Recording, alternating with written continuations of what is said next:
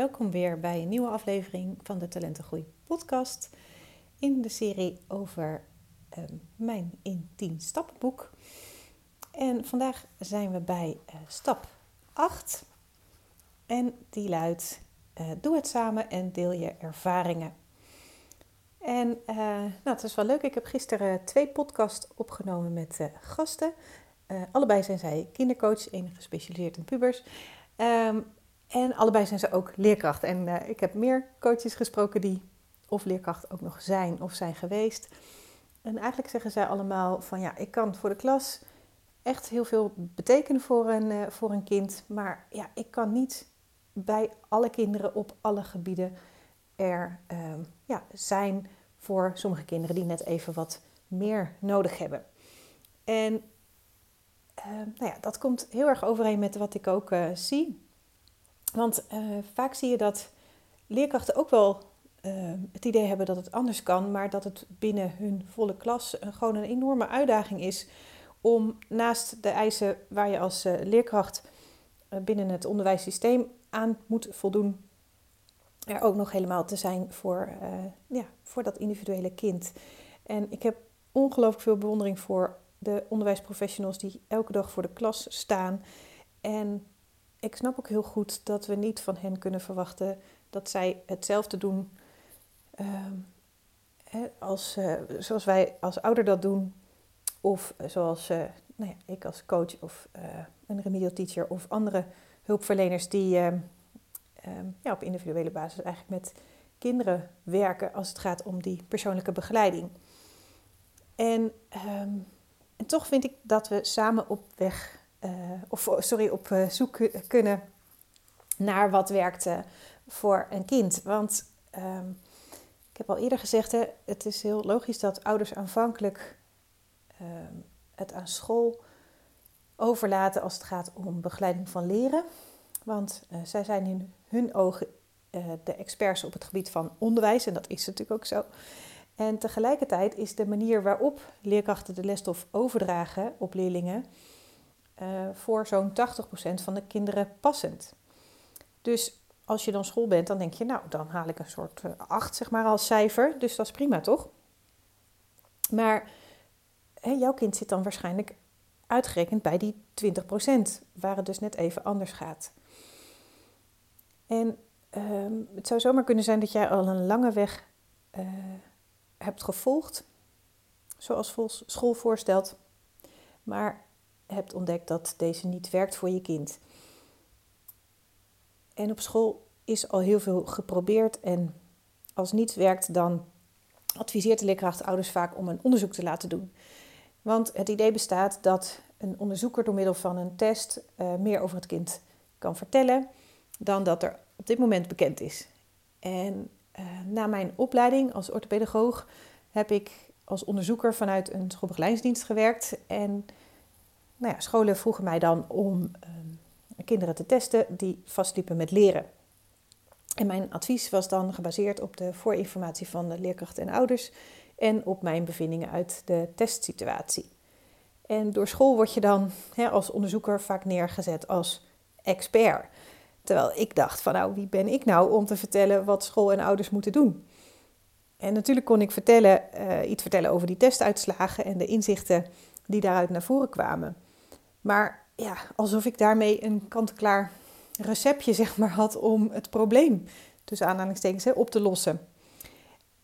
Uh, dus ja, ik vond dat nogal wat. Uh, dat een, soms zelfs echt de beslissing in de loopbaan van een kind afhing van nou ja, die 2,5 uur waarin ik met een kind in de testsituatie heb gewerkt. En ik heb het laatst ook weer in de praktijk gezien. Een heel jong jongetje wat getest is, waar een uitslag uitkwam.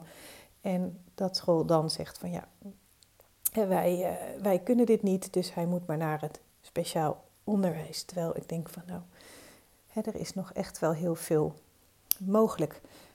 Um, want het is ook nog eens een uh, momentopname, zo'n test. En um, nou, ik kom daar dan als onderzoek kwam, hè, want ik doe dat niet meer, maar uh, kwam als onderzoeker als expert neergezet. Terwijl ja, ouders die kennen hun kind al jaren En zien hem of haar dag in dag uit. En nou, die kennen hen gewoon het beste. Ehm, dus ik zeg altijd, er is maar één echte expert en dat ben jij als ouder. Want ik kan het niet vaak genoeg zeggen, maar jij kindje kent het langste en het beste. En ehm, nou, mij wordt ook wel eens gevraagd, hè, van moet ik nou zo'n onderzoek laten doen? En dan is mijn antwoord eigenlijk altijd van, nou vraag je af wat zo'n onderzoek oplevert voor je kind. Ehm, en wat zal er gedaan worden met de uitkomsten daarvan? En wat gaan ze dan anders doen?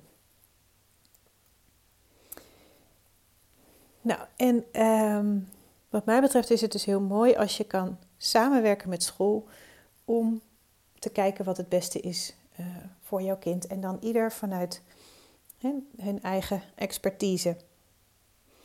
En uh, nou, veel ouders die hopen dat school en of de leerkracht in ieder geval open staat voor nieuwe ideeën en samen wil kijken um, hoe jouw kind zich optimaal kan uh, ontwikkelen. En dat brengt mij tot een soort afkorting, die heet Team. En niet voor niks heet deze stap Doe het samen. Um, en Team, dat heb je misschien wel eens gezien, dan elke letter staat voor een woord en de meeste mensen kennen het als uh, Together Everybody Achieves. Maar ik wil hem neerzetten als Together Everybody Achieves Miracles. Want ik heb echt vaker gezien dat als je samenwerkt, dan kunnen er hele mooie dingen gebeuren.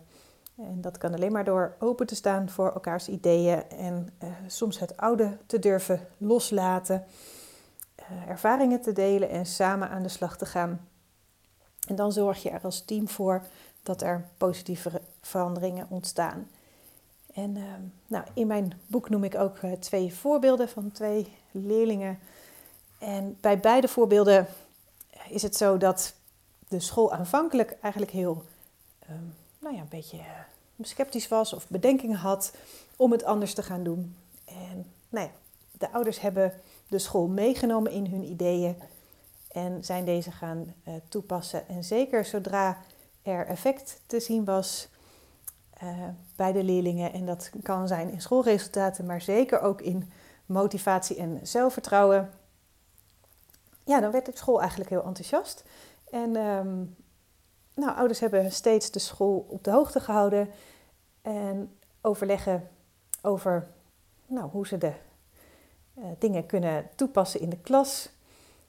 En nou ja, bij een van de voorbeelden, maar dat zie ik ook vaker gebeuren, is dat er nou ja, één kind is hè, die dus op een andere manier aan de slag gaat. En dat uh, in dit geval was er een meester en die had zoiets van: hé, hey, dit kan ik uh, bij al mijn kinderen wel toepassen. Uh, met als resultaat dat zijn halve klas beter ging presteren en dat het de kinderen makkelijker afging op het gebied van spelling was dat in dit geval. Um, maar ja, dat vind ik super mooi om te zien dat één kind eigenlijk een soort olievlek um, veroorzaakt. Uh, en dat er meer kinderen uit de klas kunnen profiteren. En uh, nou, dat is alleen maar gekomen doordat de ouders de samenwerking met school hebben opgezocht en de school open stond om die nieuwe ideeën toch te gaan toepassen.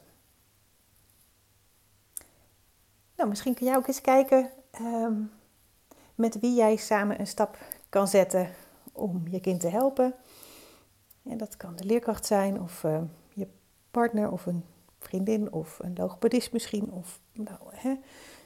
Um, wie kan dat voor jou zijn, uh, waarmee je de situatie waar je in zit kan bespreken en waar je samen kan kijken uh, wat je het beste kan doen uh, om nou, samen ervoor te gaan dat het leren makkelijker wordt voor jouw kind.